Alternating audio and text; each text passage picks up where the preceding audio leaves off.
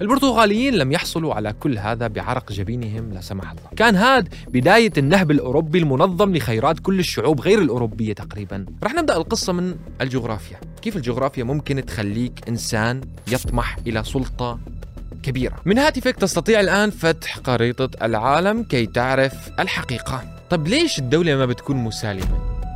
عن جد. طب ليه بتحارب؟ ليش بدها تبتلع أراضي دولة أخرى؟ أتعرفون ما هو العنصر الحاسم؟ الجغرافيا بدون الجغرافيا أنت غير مثقف مهما فعلت بها أنت مثقف مهما قصرت أنا عقبة وهذا هو بودكاست لعبة الجغرافيا